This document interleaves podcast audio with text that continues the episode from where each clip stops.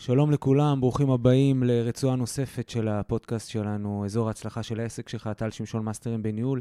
אה, אורח מיוחד, תמיד אני אומר שיש פה אורחים מיוחדים, כי הם באמת, הם, הם ממש ב, מביאים אותם בפינצטה. חכה, אתה עוד אל תגיד כלום, שיהיה הפתעה, שנייה. אבל הבאנו היום מישהו, הבאתי היום מישהו אה, מאוד מיוחד, אה, קולגה, חבר, אה, שאני חושב שיכול לעזור לנו לשפוך אה, הרבה אור. אה, על, גם ברמת המקרו, גם ברמת המיקרו, מה קורה עם העסקים הקטנים הבינוניים. אה, זמן טוב להידבק עכשיו לפודקאסט ולהפנים, כי יהיו פה הרבה תובנות לעסקים קטנים ובינוניים. אז אני אומר שלום לדדי, דדי סוויסה, אה, יועץ אסטרטגי, היום פעיל כיועץ של להב, ארגון העצמאים ב, בישראל. וממקימי אה, פורום אה, עצמאים מבית ההסתדרות, הסתדרות העובדים. שלום. ברוך הבא. תודה רבה. אה, דדי איש רב פעלים, היה לי גם את הזכות להיות איתך בכנס האחרון באילת, הכנס המרכזי השנתי של העסקים, היה נפלא. ואמרנו, אנחנו עוד נעשה ביחד, אז הנה, אנחנו עוד עושים ביחד. כמו שהתחלתי להגיד, דדי איש רב פעלים, שימש יועץ של uh, שרי ביטחון, ראש הממשלה, היה בכל מיני מקומות חשאיים ומשא ומתנים מעניינים. ננסה קצת, קצת לגרות אותך, לספר לנו גם uh, מה קורה שם קצת מאחורי הקלעים. לא יותר מדי. כן, עם קשר לעסקים ובלי קשר לעסקים. ובסוף אני גם אשוויץ בך ואגיד שחיברת את המותחן, כתבת את המותחן uh, משמר הראיסים, שמדבר ככה על עולם הביון, אפרופו מאחורי הפינות ודברים נסתרים. אז uh, עוד פעם, פורמלית, וולקאם. תודה אני רבה. אני מאוד מאוד מאוד מאוד שמח שאתה פה איתי היום. אני חושב שאנחנו ב... לא רוצה להגיד בצוק העיתים, אבל אנחנו בזמנים מאוד מאוד מאתגרים לעסקים קטנים בינוניים. אתה מכיר היטב את הפעילות שלי, שלנו. יש לנו את הזכות להשפיע על המון עסקים, זה גם המון המון אחריות, מי כמוך יודע. ואני רוצה שנחליף ככה קצת דעות על... אה, אני רוצה שנחליף ככה קצת דעות על, אה, על מצב העסקים, על, על מה הם פוגשים היום, וננסה לתת תובנות אמיתיות, פרקטיות, לעסקים ש, שמקשיבים לנו. אז 2023, להיות בעל עסק, small medium business, עסק קטן בינוני במדינת ישראל, מה המשמעות, מה ההבדל, מה הם צריכים להבין, מה הם רואים ומה הם לא רואים מסביב לראש שלהם. אני אגלה לך סקופ. נתחיל ישר. אה, אחרי הקורונה היינו בטוחים לחלוטין שאנשים לא רוצים לפתוח עסקים. Mm-hmm. ויש היגיון. אין רשת ביטחון, המדינה רואה אותך אזרח סוג ב', אם חלילה קורה משהו אתה גמור. והיינו בטוחים במאה אחוז שלא ייפתחו עסקים. אין אבטלה, אין, אין, אין, אין, אין מה שאתה רוצה. אבל שים לב למספר, פתחו 150 אלף mm. עסקים. בדרך כלל פותחים בין 50 ל-60 אלף. 150 אלף אנשים פתחו תיקים ברשות המיסים. אתה שואל את עצמך, רגע, אז אני לא מבין. מה, אנשים... קורה פה משהו? אתם נורמליים? אתם לא נורמליים? פתחנו את כל מהדורת החדשות, היינו במאבקים, אנשים קרסו, חדלו, חדלות פירעון, עולם שלם קרה. נכון. מה הסיפור? Mm-hmm. אז אני אגלה לך עוד דבר מדהים. Mm-hmm.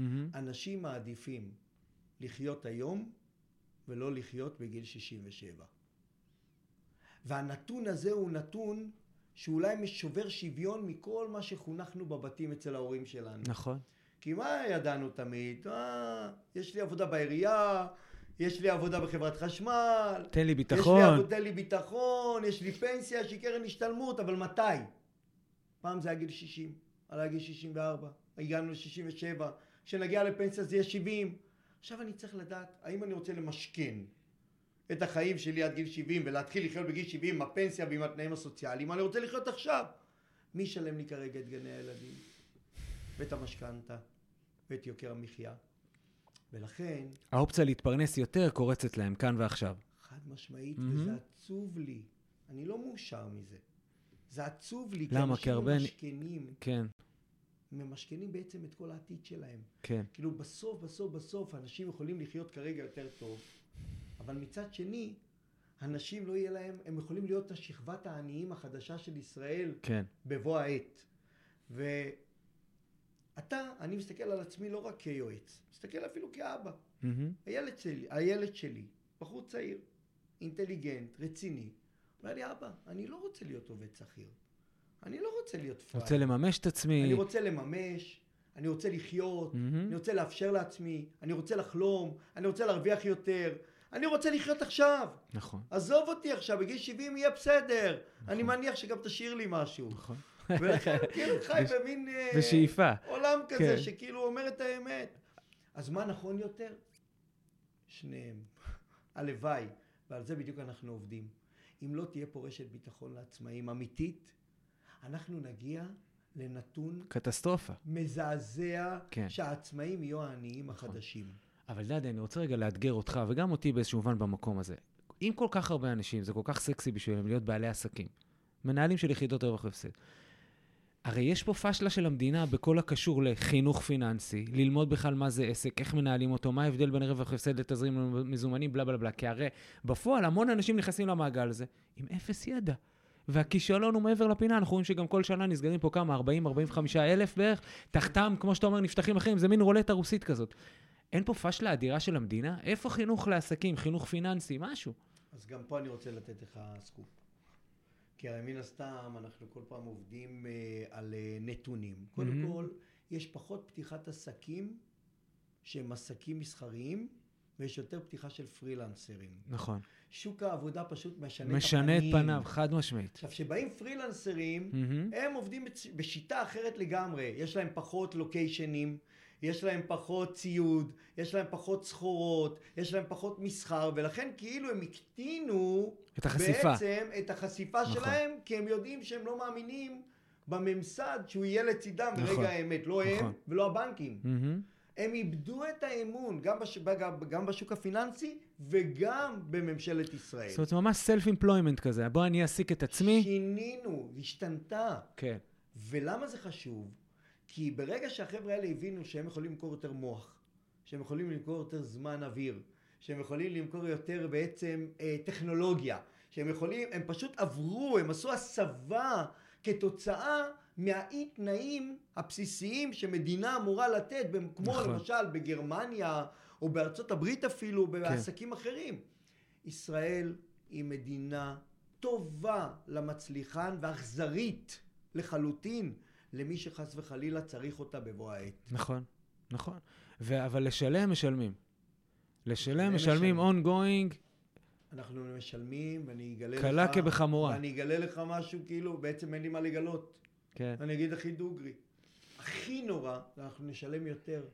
מכיוון שאם אתה מסתכל על תקציב המדינה, ואם אתה מסתכל על תרבות, על התרבות של, ה, של הכלכלה, ה- הכלכלה הממשלתית, או התקציב שלה, אתה למד שתקציבי ההעברות גדלים, שהקצבאות גדלות. גדלות. כל התשלומי העברה לחלוטין צומחות, צומחים בצורה בלתי רגילה.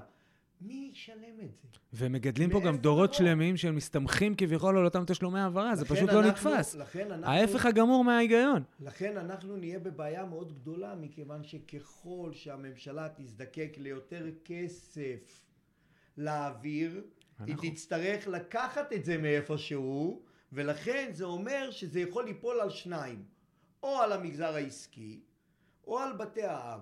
לגלות לך, בתי האב הם לא יכולים כבר, גמרו אותם. תגיד להם- תגיד להם את המשפט ש-.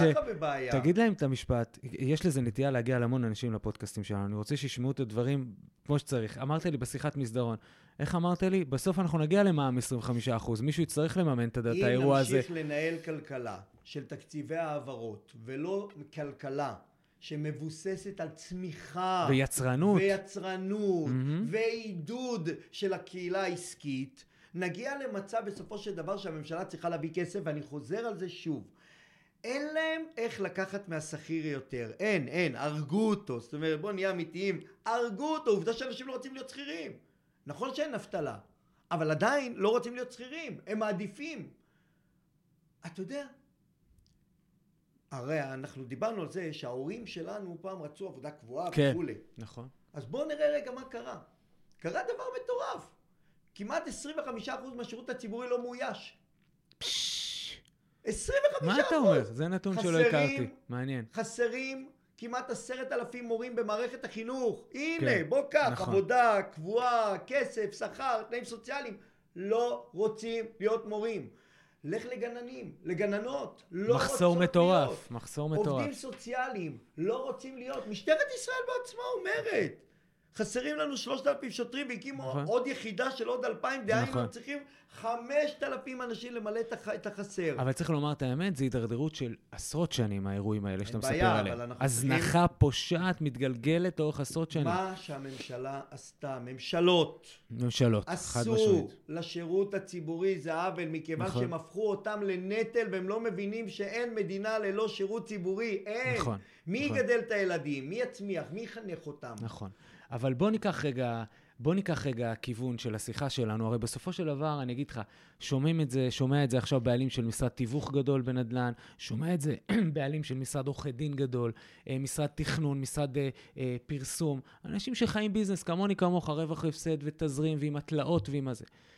כשאנחנו מדברים איתו עכשיו על האווירה העסקית של 2023, הרבה אי-ודאות, הרבה טלטלות, כל המקרו-כלכלה ועליות ריבית וזה. מה לדעתך צריך לעבור לו בראש? הם, יש הרי אי-ודאות מאוד גדולה. יש לחץ ויש פחד. מה לדעתך, מה היית אומר לבעל עסק כזה היום? תשמע, תישמר מזה, שים לב לזה, לך בדרך הזו, תימנע מדרכים רעות בצורה הזאת והזאת. ראשית, אנחנו לא הולכים לצאת מהמשבר כל כך מהר.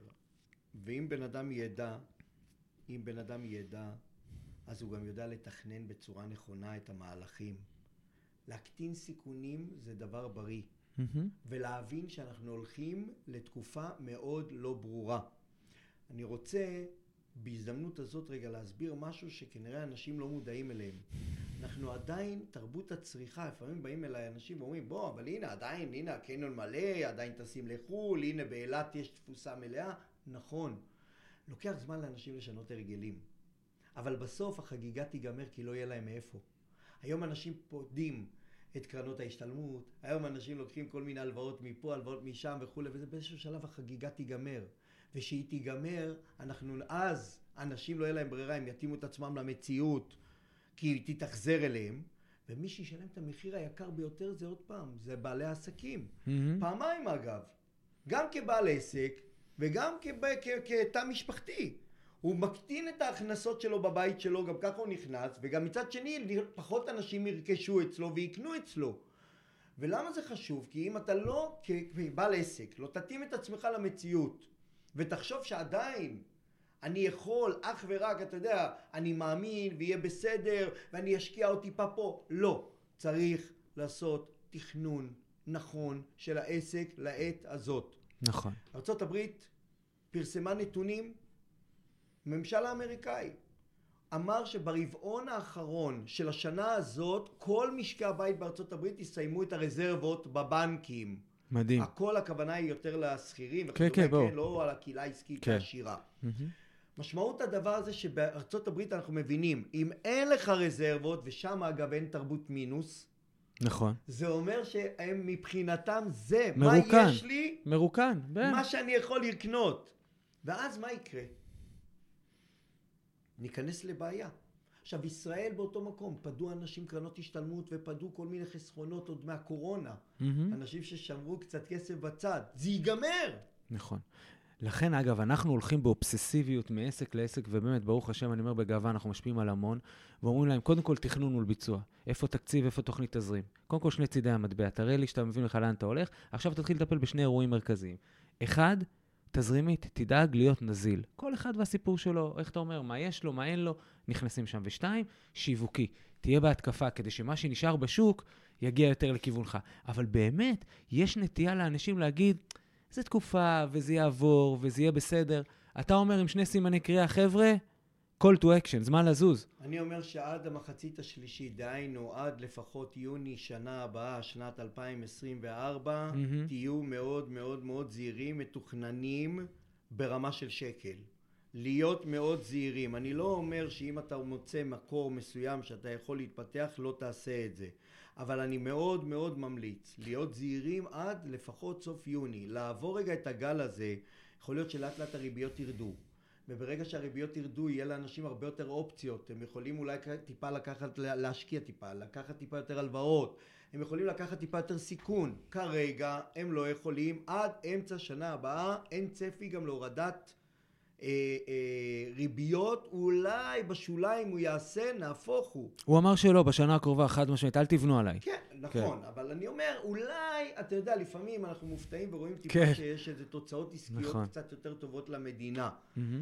הבעיה הנוספת, אני לא רוצה להיכנס, זה לא פוליטיקה, כן. אני מדבר נטו עניינית, גם כל הסיפור של הרפורמה המשפטית וכדומה, היא גם מעיבה במידה רבה. בוודאי, אי ודאות. כלכלה לא אוהבת אי ודאות, דדי. היא מביאה לאי ודאות מאוד כן. גדולה. אני כלכל- עכשיו לא רוצה לנקוט אפילו עמדה כן. כן נכון, לא כן, נכון, ברור, הדרך ברור. נכונה, הדרך לא, מדברים נכונה. כלכלית מקצועית, ברור. עניינית, כלכלית, כן. אנחנו נמצאים במקום של אי ודאות מאוד גדולה, שהמשמעות שלה אגב, היא בוודאי סק- סיכון של אנשים. אתה יודע שיש אנשים שבאים ואומרים, אפילו אני לא מאמין בבנק.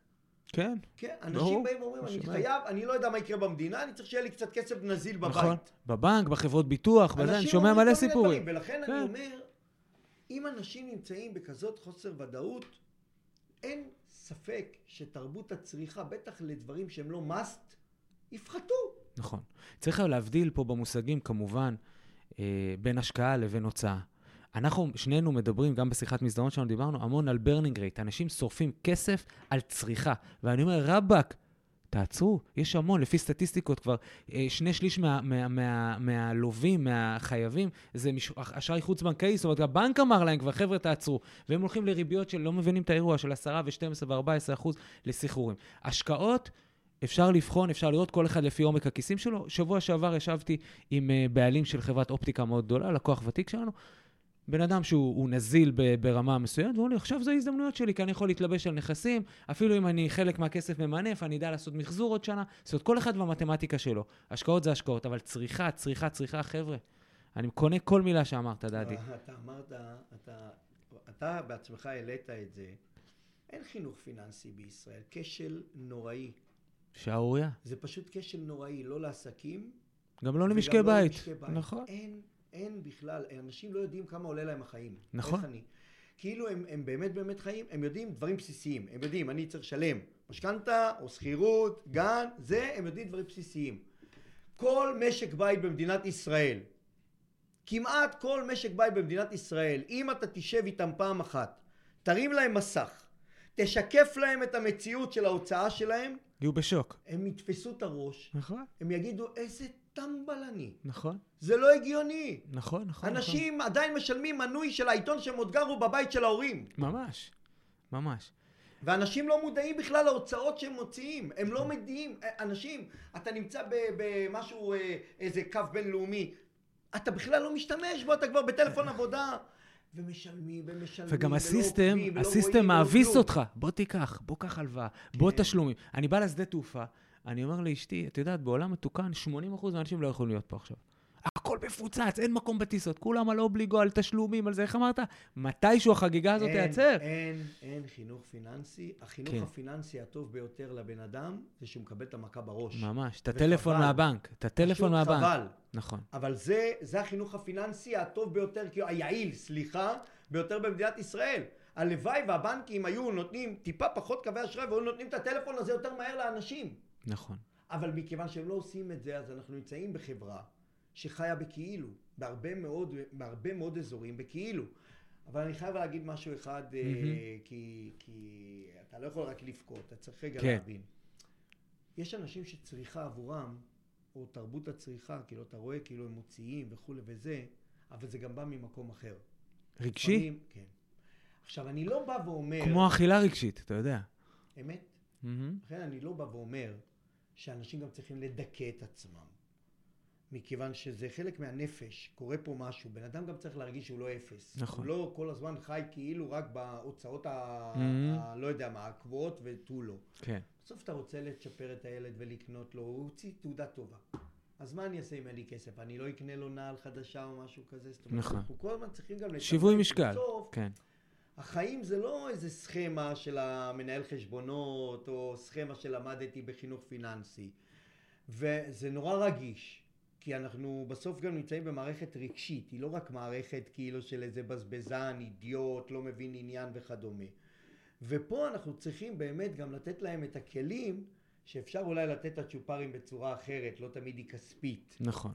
לכן חינוך פיננסי הוא הרבה מעבר לזה. ברור. אבל זה שאנחנו לא נותנים את הכלים האלה גם לילדים, זה לא פחות טעות, מכיוון שהילדים הם הסחטנים הרגשיים הגדולים. כן, והם הדור הבא שינהל את המשקי בית שלהם. אז תחשוב קודם כל שהילד, הוא בא, הוא לא מודע. אם הוא היה מודע, אז יכול להיות שהוא היה בא ושותף במהלך שקורה בתוך התא המשפחתי שהוא משתנה אגב בהכנסות. נכון, נכון. אבל הוא לא שותף. אני אספר לך דבר מדהים שהיה לי אישית. בשנת 2003 או 2004, mm-hmm.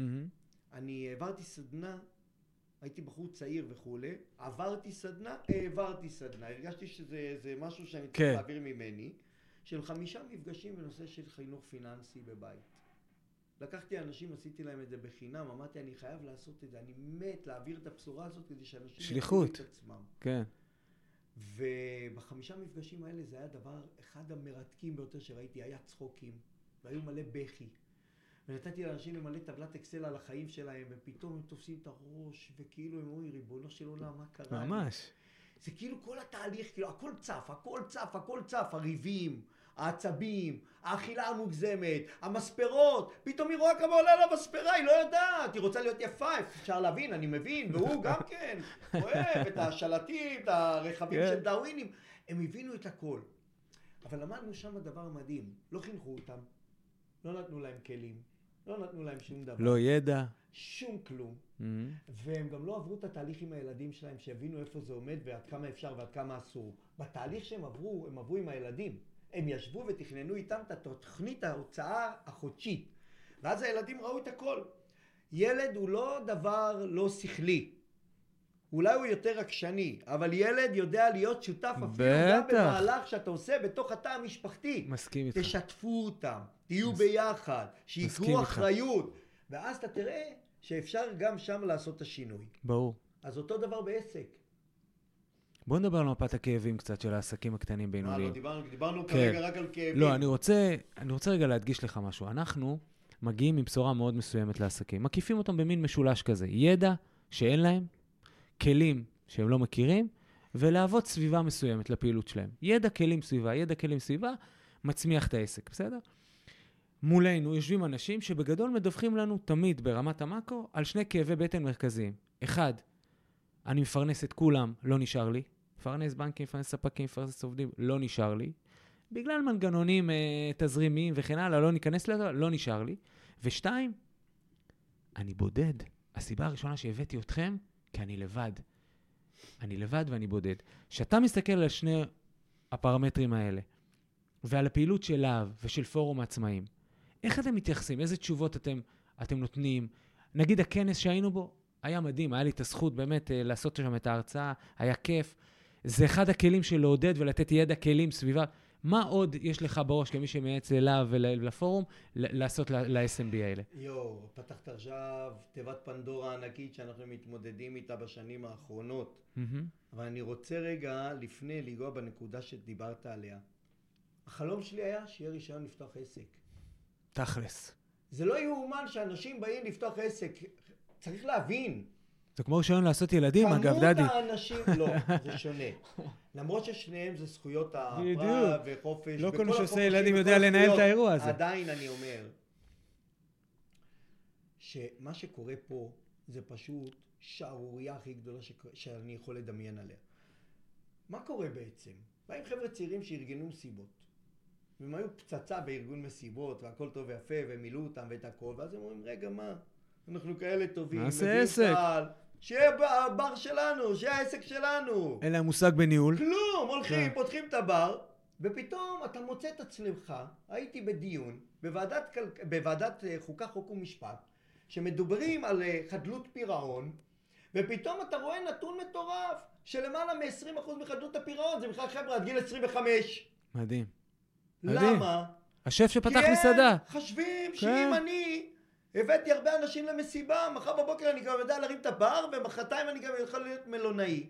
אותו דבר זה קורה גם, בכוונה, אני עכשיו לוקח להבדיל, בכוונה סתם אישה שיכול להיות לה לייפסטייל מטורף, באמת, אמיתי, מטורף, באמת, יש לה את הטעם הטוב ביותר בעולם. והיא באמת, אנשים עוקבים אחריה באינסטגרם עם מיליון עוקבים גם. בסדר? בכוונה אני לוקח את זה. יש לה עוקבים, יש לה לייפסטייל, מוכשרת, יפה, הכל טוב. נכון. פותחת עסק, אחרי שנה נסגר. היא לא מבינה את המכניזם של ניהול, זה עולם תוכן אחר לגמרי, זה השף שפתח מסעדה, נו. לכן אמרתי שזה אחד הכלים, אחד, אחד ה... אולי אחד הכשלים הגדולים, כי אנשים לא מבינים איך יכול להיות ש-80% מהעסקים שנפתחים במדינת ישראל נסגרים בשנה הראשונה, ריבונו של עולם. מטורף. מה לא ברור לכם? 80% נסגרים. אז אתם, מה אתם אומרים? אני יותר טוב מכולם, אני אנצח את הסטטיסטיקה. אתה לא אתה לא. תנצח את נכון. הסטטיסטיקה, נכון. אתה מקסימום תנצח אולי את האובדן שלך.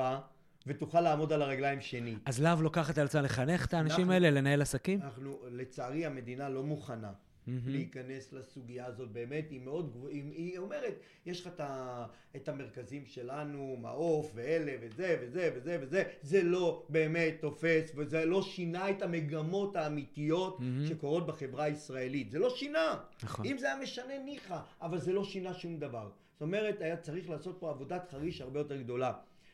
זה שאנשים לא מתייעצים עם יועצים, זה שאנשים חושבים שהם יודעים הכל, ותראה, זה, אני, אני יכול להתחרפן מזה. בא בן אדם, פותח עסק, שם עליו מיליון שקל. לוקח הלוואות, לוקח מההורים, לוקח בנקים, לוקח את הכול. חוסך על הייעוץ. אבל הוא חוסך על ייעוץ. במקום לבוא ולהגיד, אני צריך איש מקצוע שעומד לידי, שנותן לי עצה, כן, כן. שמכווין אותי. אז בוא אני אגלה לך משהו, לא לך אני לא צריך לגלות, אבל אני אגלה למאזינים, ואם יש בוודאי אנשים שחושבים לפתוח עסק, אז אני חייב לומר להם את זה. חבר'ה, יועץ, כל שקל שיועץ טוב נמצא לידך, יחסוך לך בסופו של דבר מאות אלפי שקלים שאתה תאבד או תזרוק לפח. אין חכם כבעל הניסיון. אין חכם כבעל הניסיון. אבל אני אגיד לך עוד נתון מטורף נוסף. אנחנו דיברנו גם במסדרון ודיברת על 600-650 כן. אלף עסקים. Mm-hmm. בישראל יש היום מיליון חמישים אלף עסקים. כן, הגיעו למיליון, אה? מיליון וחמישים אלף עסקים. מתוך המיליון חמישים אלף עסקים יש 750 אלף פרילנסרים. Mm-hmm. שוק העבודה, לא סתם אמרתי משתנה, משתנה. כן. אנשים יותר ויותר הופכים להיות פרילנסרים. בשנת 2030, סוף 2030, נחצה את מיליון הפרילנסרים במדינת ישראל. שזה נתון מטורף. אני יודע, ולא מדברים עליו, ולא מדברים, וזה מוציא אותי מדעתי, mm-hmm. כי כמעט 80% מכל האנשים האלה, או אפילו יותר, לא מפרישים, לא תנאים סוציאליים, לא שום לא רשת פנסיה, ביטחון לא של דבר, המדינה. והעסק זה הוא. העסק זה הוא. כן, one man show. אם חס וחלילה הבן אדם הזה מחר קרס, זכרו לברכה. One... אין לו כלום, אפילו אין לו זכויות. שהוא קרס אפילו לדמי אבטלה לאחר מכן כדי לעמוד על הרגליים. one man show. ואם הוא חולה הוא גמור. נכון. ואנחנו בונים חברה היום חדשה, עם כללי משחק חדשים. Mm-hmm, ממש. שיותר ויותר ויותר ויותר, אתה יודע מה עכשיו? בכלל נפל לי האסימון. אולי זו מגמה שטובה לממשלה. Hmm. פחות, אה, פחות אה, עול עליה, אתה יודע. לא, זה נורא פשוט, עכשיו שאני חושב על זה. כולם משלמים ביטוח לאומי, כן. אבל אוכלוסייה מסוימת תרוויח מהביטוח הלאומי בלבד. ממש. זה מה שיהיה פה בסוף. כולם משלמים שם מיסים. בסוף זה מה שיהיה פה. אבל אוכלוסייה משלם, מסוימת נכון. לקבל את המיסים שלה בחזרה. נכון. זאת אומרת, אנחנו בונים פה כנראה, יש פה איזה מנגנון מרתק, שאנחנו לא, שעכשיו פתאום עליתי עליו. עכשיו אני מבין כאילו למה מעודדים מגמות כאלה. מעניין. אבל לגבי הפרילנסרים, מאוד חשוב רגע, אני אספר לך, אנחנו עכשיו הקמנו, ב... הבנו בפורום העצמאים בית ההסתדרות, mm-hmm. הבנו שיש פה בעיה, כי הפרילנסרים הם האנשים הכי בודדים. נכון. ובניגוד למשל לעסק, mm-hmm. שם העסק זה אני. ופרילנסר, מזמן אני לא יכול לצייר אותו כמו בעבר, איזה איש עסקים, בשבילי הוא עובד בחשבונית. בעל מקצוע, כן. בעל מקצוע ועובד בחשבונית, בוא נהיה אמיתיים. כן, כן, כן, אני איתך. החברה מסתכלת עליו כאיש עסקים, ובאמת באמת הוא אומר הלוואי. נכון. אני לא איש עסקים ולא כלום. אני בסופו של דבר עובד עם חשבונית. סלף אמפלוימנט, מעסיק את עצמי. ולמה זה חשוב? כי החלטנו בפורום העצמאים בית ההסתדרות להקים את חטיבת הפרילנסרים, שההסתדרות mm-hmm. פתחה את הבית יפה. לחלוטין לכל הפרילנסרים במדינת ישראל. בעוד חודשיים אפשר כבר להצטרף ממש. בכלום כסף הם הולכים עכשיו להצטרף ולקבל את כל סל השירותים שההסתדרות נותנת לחברי ההסתדרות שזה מימון במאות מיליוני שקלים של סלי הטבות בתחומים שונים אז קודם כל הם יקבלו את זה בנוסף אם יהיה התאמה מוחלטת בתוך החטיבה הזאת לעצמאים, כי נצטרך להביא להם הצעות ערך אחרות שהן קשורות יותר בעצמאים, נעשה להם רכש משותף, ביטוח mm-hmm. אחריות מקצועית משותפת כן. וכדומה ועוד דברים, יהיה להם והדבר הכי חשוב שיהיה שם, כל הפלטפורמה הולכת להיות בעצם פלטפורמה שהיופי שלה זה שהיא בונה קהילה. יהיו ארבעה מנהלי קהילה בתוך הקבוצה יפה. הזאת. אז פחות בדידות? אין יותר בדידות. Mm-hmm. הבודד או הבודדת ברמת הגולן, או בערבה, או לא משנה איפה. יהיו בקבוצה מסוימת. הם יהיו עכשיו בקהילה שהיא עושה B2B, קונה ביחד, תעשה כנסים ביחד, תבלה ביחד, תיסע ביחד, היא תעבור, ולימודים, יש שם מרכז הכשרה לימודי ענק בתוך הפלטפורמה הזאת עם מנטורים מטורפים. יהיה קבוצה של B2B, יש שם בתוך, האוכלוס... בתוך הקהילה הזאת עוד מיליוני דברים שאנחנו מכינים גם הפתעות. וכן, גם יהיה לנו כל יום אפי האוור בצהריים, שכל הקהילה, למרות שאתה עובד וגר במקום רחוק, הם בצהריים ייכנסו ויהיה להם פעם אחת תופעה של אומן באמצע בצהריים. אנחנו חייבים לתת גם חיים כדי שאנשים ירגישו שגם אם אני זרוק לבד בבית שלי, יש אנרגיה. או באיזה מתחם כן. או לא יודע מה, הם כולם יהיו בתוך הקבוצה הזאת והקהילה תיפגש. יפה. אה, בתוך ה... ביחד ותתחיל לעשות ביזנס. לפני שאני עובר לשאלה האחרונה שם בכלל בעולם אחר, אני רוצה לשאול אותך, תחזית שלך, אוגוסט 2024, מה קורה במדינת ישראל, למגזר העסקי, לשמאל מידיום ביזנס האלה? מה אתה רואה קדימה? כשאתה מרים את המשקפת ל-12 חודש, 18 חודש. אם אני מסתכל בשנה הקרובה, אנשים צריכים לקחת בחשבון, חייבים לקחת בחשבון שלושה דברים. הראשון, הריבית כנראה עד הקיץ הבא לא תרד. Mm-hmm. משמעות הדבר היא שאתם חייבים מיידית להתייחס לנתון הזה, כי הוא משליך על כמה פעולות.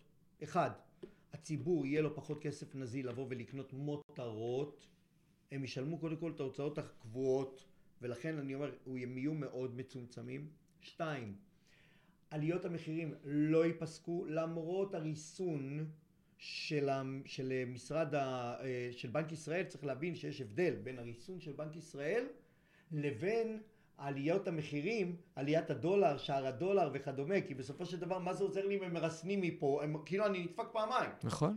אתה גם מרסן אותי מפה ואתה אומר לי, תשמע, אתה לוקח כסף יקר מדי, וגם מצד שני, הדולר רק עולה ועולה ועולה, והיבוא, צריך, אנשים לא יודעים את זה, מייצרים מעט מאוד דברים בארץ. נכון. רוב הדברים שאתם רואים בחנויות זה יבוא. והמשמעות שהם קונים או ביורו או בדולר, ולכן המחירים יעלו. יעלו. אז יהיה פחות כסף לאנשים. נכון. המחירים גבוהים יותר. המחירים הרבה יותר גבוהים. בן אדם שיש לו בעיית מחזור, מחזור בכסף, לא יהיה לו כסף נגיש, לא יהיה בלב רחמן אליו. אם אנשים לא יבינו את זה, אז הם יבינו את זה בכוח. שפשוט מנהל הבנק יגיד להם, חבר'ה, נגמר, נגמר, נסגר כן. נסגר הסיפור, נכון. אין חמצן, אין אוויר, ועזוב אותי מהאשליות שלך. ולכן צריך להיערך לדברים האלה. עכשיו, להגיד לך שיש לי עכשיו אה, לשלוף, לא. אני קודם כל יודע מה הבעיה. Mm-hmm. אני יודע שאנשים צריכים להתחיל לעשות חישוב מחדש בתוך העסק שלהם, איפה אני יכול להתייעל, איפה אני יכול להגביר צמיחה, ואני גם אומר עוד דבר אחד. תמחורים, תמחור, תמחור, תמחור. תעבדו בצורה נכונה. קודם כל תשמרו קהל. זה אחד הדברים אולי שאנשים לא מבינים, אבל אני כל הזמן מנסה להסביר את זה. תהיו יותר מדויקים. כי מה קורה? אנשים מתפזרים. זה שיש לי חנות לצורך העניין בתל אביב. אם אני אטרגט את כל תל אביב זה נורא נחמד, אבל זה עבודה בעיניים. Mm-hmm. זה להוציא ים בכסף. נכון. אז אני אומר לאנשים, לא. אם אתם רוצים את החמש המלצות שלי, אחרי שאמרתי את הבעיות ואת האזהרות ואת כל המצב הגיאופוליטי שלנו, אז אני אומר ככה, אחד, תזקקו את קהל היעד שלכם, שתיים, תבדלו את עצמכם מעסקים מתחרים, שלוש, תשמרו את קהל היעד שלכם, תילחמו עליו, כי כל אחד שהבאתם אותו, אם אתם מאבדים אותו, אתם יקר, פשוט עשיתם טעות. יקר מפז, כן. איך אני אומר? להביא ליד עולה יקר. תשמור את הליד הזה. נכון. ארבע, תעבדו נכון בנרטיב, וחמש, תחדשו את עצמכם. לא ב... בוא נקנה עוד סחורות כדי לחדש את עצמי. תהיו חכמים. והדבר האחרון שאני יכול להגיד לאנשים, נתון שראיתי שהוא מדהים, אגב, סתם באיגוד המוסכים בכנס שלהם. Mm-hmm. אנשים נוטים לחשוב שאנשים באים בעקבות uh, מסורתיות, אבא היה וזה, אתה יודע, פעם היינו כזה ככה, נכון. במספרה, היינו במספרה של אבא, כן. במכולת היינו, במוסך היינו. enough. 45% מהצעירים במדינת ישראל בכלל לא קונים בחנויות, קונים ברשת. אונליין, אונליין, הכל עבר לאונליין. כן. אנשים עוד מחכים בחנות שם בדיזינגוף ואומרים מתי יבוא הקונה, הוא לא יבוא. נכון. 45 אחוזים לא יבואו. נכון. אנשים צריכים לקחת את זה בחשבון. דבר השני שהם צריכים לקחת בחשבון, הם היום עובדים בכלל בשיטה של תמחור. הם בודקים מחירים וכדומה כדי לעשות את זה. עושים שופינג כל אם הזמן. אם אתה לא תדע לעשות את זה בצורה נכונה ולא להיות טכנולוג, אז תהיה לך בעיה. ואני גם נותן לזה המלצה. הבן אדם, העוזר הטוב ביותר היום שבא לעסק זה הילד שלו. כן. למה אתה צריך ללכת רחוק? קח את הילד שלך, הבן אדם נכון. גאון, הוא קונה ברשת, הוא יודע מצוין מה רוצים, נכון. הוא, יודע, הוא, הוא בעצמו יכול לעזור לך, הוא יכול להפוך אותך לטכנולוג. אבל אני אגיד לך איפה הבעיה, הבעיה היא בהרגלים המעכבים. יש לו פחד והימנעות מלהכניס טכנולוגיה, כמו להתעמת עם עובד, כמו להקים רשת סושיאל uh, בדיגיטל, כמו... בשביל זה צריך אנשים מבחוץ, שיבואו ויגידו לך, זאת התוכנית, הנה סגור את הפערים, יכול להיות שהבן שלך הוא בכלל הכתובת. אני מסכים איתך, אבל יש משהו אחד שאנשים צריכים קודם כל, לפני, מה הבעיה הרי? זה הביצה בתרנגולת. כן. כשבאים אליך אנשים, זה אחרי שנפל להם, להם האסימון, כן. או אחרי שהם קיבלו שטרונגול. נכון. כאילו, אני מצטער נכון, על נכון, כן, כן. מתי הם באים? הם באים אחרי. אני רוצה שאנשים יבואו לפני. וזה הרעיון. למה זה... אתם לא באים לפני? לפני. נכון. זה דורש רמת תודעה מאוד גבוהה. באים מצליחנים שרוצים להצליח יותר, אבל אני מסכים איתך שהרוב המכריע פגשו מצב מסוים, אתגר מסוים, ובעקבותיו הם באמת מכניסים לכם בפנים. זה, זה מטריד אותי, מכיוון שאני רוצה שהם יבואו לפני, כי הסיכוי נכון. לעזור להם הוא יותר גבוה. ברור, מי כמוך יודע. עד מגיע להיות חצי חדל פירעון, אתה כבר בשוליים, נכון. אתה מנסה להציל אותו, לתת, איך אני אגיד לך, לתת, אה, אתה יודע, הנשמה לגופה כמעט. וחבל, הם מגיעים בזמן שגם אין להם אוויר אגב להשקעה אמיתית. נכון, נכון, עם הלשון בחוץ, עם הלשון בחוץ. והדבר האחרון שאנשים צריכים להבין, שהם חייבים להתחיל ללמוד את העולם של האי-קומרס. אם הם לא יבינו את זה, הם לא יכולים, אנחנו לא יכולים לעשות יותר. אז אין יותר שבועת אמונים לעסק. נכון. כי, כי, ולכן לשמר קהל שאין שבועה, זה פי אלף יותר קשה. נכון. כי אתה צריך לדעת, במקור הוא כבר לא נשבע לך. נכון. למה אתה רואה שמסעדות קורסות? כל המסעדות הכי טובות בתל אביב כמעט קורסות עם השפים הכי טובים, כי הקהל לא נאמן. הקהל זז. כן, ברור. הוא רוצה חוויה. הוא אין, אנשים היום קונים חוויה ומתעייפים מחוויות. והוא עובר לחוויה הבאה. מסעדן צריך לדעת דבר אחד, אם הייתי עכשיו מסעדן, אם אני היום הייתי שף, אני הייתי שוכר מקום לפי שנה. מה, מה הם צריכים לעשות? לוקח עכשיו את איגוד השפים, לוקח את כל המסעדות, mm-hmm. ועושה להם הצרחה, כל שנה הם עוברים כן, אה? תחנה. תחנה. ואז מה כן. שיקרה, אתה בא קונה עכשיו מסעדה אחרת ולא יודע נכון. מה, כי אנשים לא נאמנים יותר למצר נכון. אחד. אגב, לכן במזון היום הפוטרקים הם מאוד מאוד אה, פופולריים, כי הם זזים והם משנים קונספט. אתה יודע שבונים תוכנית. עסקית, שכל רבעון הוא משנה את פניו, הפוטרק עצמו. כמה פעמים תאכל את אותו אוכל? כן, בדיוק. בוא נמשיך רגע למשהו אחר שמעניין אותי מאוד. דיברנו בחוץ על הספר שכתבת, ואמרת לי, אני מקבל בזמן האחרון המון הודעות, איך הס, הס, הספר הזה הוא, הוא חזה פני עתיד. למה הכוונה? מטריד אותי. למה הכוונה? מטריד אותי.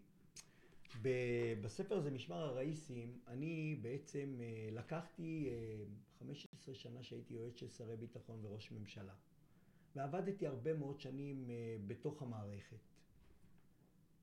ובסך הכל רציתי לעשות ספר, מעין ספר אה, מותחן, פוליטי, מדיני, ולעשות, לתת ריספקט לפן מסוים. הריספקט שלי היה לדיפלומטיה, ולאו דווקא רק. כן. למערכת הביטחון. למה? כי הרבה פעמים אנחנו נוטים, כאילו, היה מבצע בג'נין, או הפצצנו בסוריה, ויאללה, כולם הירואיים. על כל פעולה ביטחונית אחת שאנחנו עושים, הירואית, יש למעלה מאלף פעולות מדיניות, סודיות, חשאיות, שנעשות בלילה כשכולנו ישנים. כן. דברים שאתה לא יכול לדמיין עוד אלפיים שנה, לא תוכל לדמיין. מדהים. ואנשים כאילו לא מבינים את ה... מה קורה באמת במחשכים ובלילות וכולי, ורציתי לעשות כבוד. ואז העלילה התפתחה לי. לבד, אתה יודע, אתה כותב משהו, אתה, בכלל הוא לא היה אמור להיות משמר ראיסים, הספר אמור להיות בכלל דיוויד. ואחר כך הוא היה אמור להיות בכלל ריצ'ארד. זאת אומרת, כולה, העלילה התפתחה לי, וקרה דבר מדהים. מה שקרה זה שאני זיהיתי שתי מגמות שחייבות לבוא בחשבון, ומי שלא רואה אותם, אז הוא לא מבין מה קורה לעולם. מה, לצערי מה העולם, הם? וזה גם בעסקים, אגב. מה הם שתי המגמות? הראשון, ריגול פוליטי. Mm-hmm. זה בין אם זה בעסקים ובין אם לא. אני זיהיתי מגמה שיש מעורבות גדלה יותר ויותר בין מדינות, ושמדינות מבינות, אפילו בנות ברית, בנות ברית, בכוונה אני מדגיש, שהן מזהות שהן טועות, שהן מזהות שהן הולכים בכיוונים לא נכונים, הם עושים פעולות בתוך המדינה למרות שהיא בת ברית. Mm-hmm. לא צריך להרחיב, נכון? נכון. והשנייה? ואנחנו רואים את זה, וזה מה שקורה שם. וזה זה, זה מעצבן, אבל כן. וכדומה. לקראת סוף הספר, יש משבר חוקתי. Mm. ואותו... שזה אירוע... היה, זה היה דמיוני לגמרי בזמנו, כן. הספר נכתב, כן. הוא יצא בספטמבר שנה שעברה, עוד לא היו בחירות. כן. ויש משבר חוקתי שיושבים שם כל ראשי מערכת הביטחון וצריכים לקבל החלטה מה עושים. למי נאמנים? יפה אמרת. ולמה זה חשוב? אה, לא כי אני נביא ולא שטויות, עזוב אותך.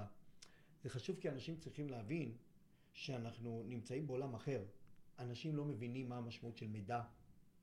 אנשים לא מבינים מה המשמעות של סייבר.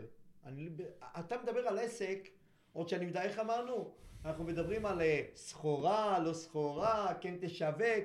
אנשים בכלל לא מבינים את המשמעות של האיומים היותר גדולים, הם לא מבינים את המשמעות של מה יודעים עליהם, הם לא מבינים את המשמעות של איך סוגרים מכרזים לפניהם, הם לא מבינים את המשמעות של בכלל מה, מה, מה, איך, איך העולם עובד בהרבה מאוד תחומים, וכאילו הם לא יגדלו גם. כי אם אתה רוצה לצמוח, אתה צריך כלים. צריך כלים, צריך ללמוד. ואנשים לא שם. תגיד, כמי שהיה במשא ומתן עם חשאים, נפעיל את הדמיון ונחשוב איפה ישבת. ישבת בכל מיני חדרים אה, אחוריים. תן לנו שלושה טיפים לניהול משא ומתן טוב, עם הבנקים, עם הספקים שלי, עם העובדים שלי באיזשהו מובן, עם קולגות שלי, עם שותפים שלי. אנחנו 24-7 בפתרונות של אה, משברים כאלו.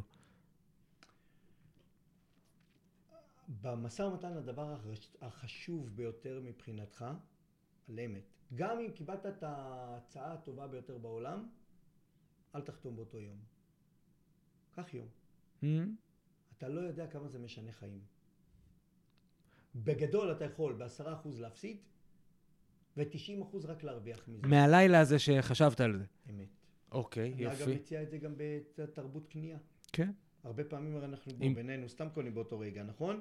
אימפולס... אם אתה אומר לעצמך, אם עכשיו, אני אקח, עושה איתך הדמיה, אם הייתי עכשיו נותן לך עכשיו שנה, ואומר לך כל מה שאתה רואה בוויטרינות והכל, אתה אומר אני אקנה אבל מחר. כמה באחוזים היית קונה? מה? כלום. כלום. אבל, אבל ה impulse buying, ה impulse buying הוא תורה שלמה, הרי עושים את זה לאנשים דווקא, שמים להם מול העיניים, קנה. הוא לא צריך, קנה. מדהים. יש לי הרצאה שבהרצאה שאני מעביר, החלק השני של ההרצאה עוסקת בהנדסת תודעה. או? ואנחנו מהונדסים בכל הזוויות. אנשים לא מבינים את זה, כאילו מסרבים לקבל שאנחנו כן. מהונדסים. אז אני אומר להם, אם אתם לא רוצים להבין, ואחרי זה אתם אומרים לי, איך יכול להיות שרק אמרתי מלון איקס, ופתאום הוא קופץ לי בגוגל? כאילו, מה אני אגיד לכם? הקדוש ברוך הוא עכשיו בא ואמר, אני חייב למכור לך את המלון הזה. ושפתאום אנשים הולכים לסופר, וכולם יודעים שבסופר רוצים שלושה דברים בסיסיים לפני הכל, בסוף רוצה לחם, ביצים, גבינות. איפה שלושתם יהיו? בסוף. למה הם יהיו בסוף? ומה שמים לך בגובה העיניים? מה שיש רווח. לכן העולם נמצא כן. בהנדסת תודעה. Mm. אני חוזר חזרה לשאלתך. הדבר הראשון, לעולם אל תחתום באותו יום במשא ומתן. גם אם אתה מרגיש שאתה חזק, אין מתנות חינם. הדבר השני שאני אומר, תתייעץ עם אנשי מקצוע. תקשיב, אתה לא הבן אדם החכם בתבל. Mm-hmm. עם כל הכבוד, גם אם אתה בטוח וגם אם אתה מחזיק מעצמך. זה נגד, ה... לא זה נגד הישראליות, אבל, אבל, תעצ... אבל תחזיק חזק. בן אדם, את כל השגיאות כמעט, בסוף הוא עושה, הרי בן אדם בסוף שעושה שגיאות הוא אומר, אני אשם. נכון. בסדר? באמת, ברוב המקרים הוא אומר, אני אשם, הוא לא עכשיו מחפש. נכון, נכון. למה אתה אשם? כי אתה לא הבנת. לא התייעצת. שאם אתה לא תתייעץ, חבל. נכון. כי יש אנשים שלפעמים ייתנו לך את ה...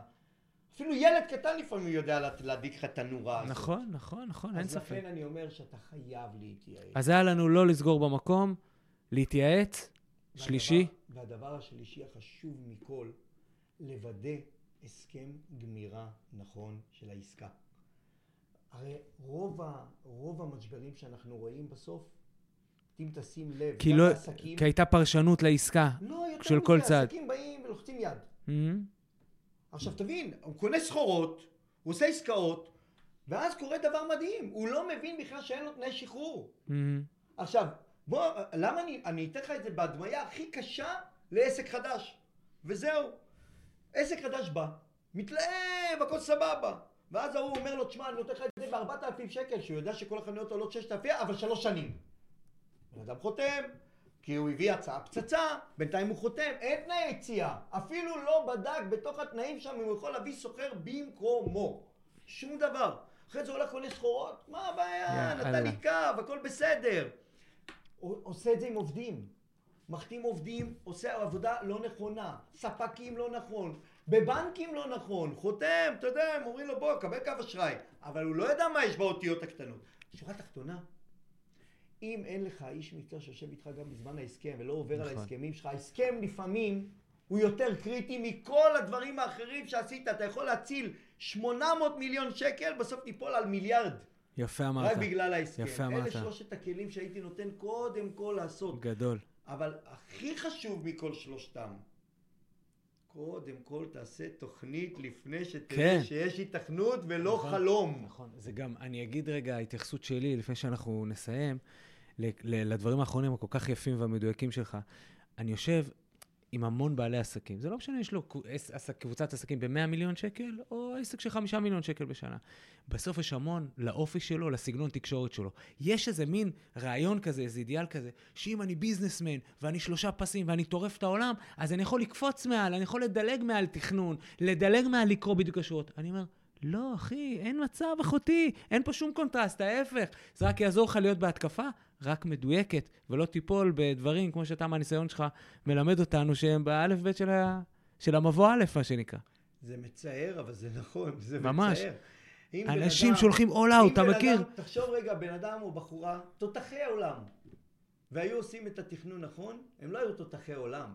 הם היו כובשי עולם. כובשי עולם. אבל. דדי, אני מדבר איתך בפרקטיקה, לא- על, לא, לא אני מדבר איתך על רשת חנויות, אה, לקוח שלי, אה, ש, ש, שהגיע, למצ... הוא רוצה להתפתח, טוב, הוא צריך השקעה הונית. אז הוא עושה את הכלל הראשון שאסור לעשות, לוקח מהתזרים כדי להשקיע. אז הוא שוחט את התזרים, אין לו לשלם משכורות, וזה גם לא מספיק להשקעה הונית.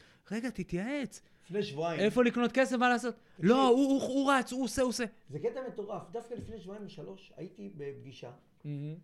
עם חברה שעוזרת, היא נותנת בסוף גם אה, הלוואות כן. בהון, אבל זה צוות של כלכלנים ורואי חשבון, שכל מה שהם עושים, יושבים עם חברה ומעבירים אותה מעסק בודד לרשת. Mm-hmm. עכשיו, הם יותר בפן הפיננסי, כן. חשבונאי. כן. כי בסוף, אתה יודע, גם אם אני היועץ הכי טוב בעולם, אני לוקח איתי מן הסתם. ברור. במקרה כזה, אני לוקח איתי יועצים נוספים ברור, שיעזרו לי. ברור, ברור, ברור. הם טוענים שלמעלה מ-90% מהנפילות של אנשים טובים, כן. איכותיים, עם עסק פצצה. כן. כל הנפילה הגדולה הייתה בטווח הזה שהם צמחו מהעסק המצלח האדיר שהיה לו, נכון. לרשת, שהוא לא ידע מה ההבדל בין רשת לבין נכון. עסק. כשאתה נמצא בעסק שלך זה קל. ברור. מה זה קל? זה קשה, נכון. אבל, אבל הוא יכול לעבוד. אני, אני אומר במובן הזה, אגב, איזה יופי שאתה מזכיר את זה. אתה, אתה מכיר את ההיסטוריה שלי, הייתי מנכ"ל הולמס פלייס הרבה שנים. Mm-hmm. בין השאר כמה שנים גם באירופה. אני אומר לך שגם רשת אימפריה, אימפריה כמו הולמס פלייס, שאני גאה שגדלתי שם, גם לנו, מה שנקרא לפתוח שפגאט ולפתוח סניפים במזרח אירופה, באירופה, זה אירוע, זה אירוע תזרימי, זה אירוע של אנשים, זה אירוע שאנשים לא מוכנים, מורכב, לא מבינים אותו בכלל, מורכב, כאילו ואני מדבר על אימפריה, בדיוק. זה לא העתק ולא הדבק. נכון. אני רוצה אבל משהו חשוב לי לומר. כן. גם בארגון להב וגם בפורום העצמאים. העצמאים חייבים להבין את זה ובעלי עסקים צריכים להבין את זה. יש לכם ארגונים שעל אמת נלחמים קודם כל שיהיה לכם זכויות במדינת ישראל. אנחנו לא יכולים להיות השקופים mm-hmm. של החברה הישראלית. נכון. כרגע אנחנו שקופים, כרגע זה לא הגון. כרגע המדינה רואה בנו רק uh, כוח מיסויי. נכון. ואנחנו עושים ימים ולילות. בכנסת, בממשלה, אצל פקידות, אנחנו עושים בתקשורת, בכל מקום. לקדם את הסיפור הזה. שיבינו שבסופו של דבר מדובר באוכלוסייה של מיליון משפחות שגם לה מגיע זכויות. נכון. ואנחנו נלחמים. אבל אנשים גם צריכים להיות טיפה קצת יותר אקטיביים. כרגע אנשים פסיביים. כן. כל בן אדם בעסק שלו, בעולם שלו, בגורל שלו, אני מבין. אבל אם אתם לא תבואו ולא תיקחו חלק, ואם אנחנו לפעמים יוצאים למאבק מסוים, ואנשים יושבים בבית ואומרים, יהיה בסדר, פראייר אחר יעשה בשבילי את העבודה, אז אין תוצאה. אז הממשלה מאושרת כן. לדפוק אתכם. נכון. כל ממשלה אגב. נכון. חבל. דדי, איזה כיף היה. אולי עוד יהיה לזה המשך פעם, אה? לא, תעשה לי טובה, אז ניפגש בכנסים הבאים ביחד. ברור. איזה כיף שהיית איתי, תודה רבה. תודה לך. חבר'ה, מחכים לכם ברצועה הבאה, תמשיכו לעשות עסקים טובים עם כל האתגרים וכל הבעיות. עדיין, הרוב המכריע תלוי בנו. מה אמרנו? תוכנית, נחישות, דרך, רווח והפסד, תזרים, אמונה בצדקת הדרך, אנחנו איתכם. אוהב אתכם, תודה שהייתם איתנו, ביי.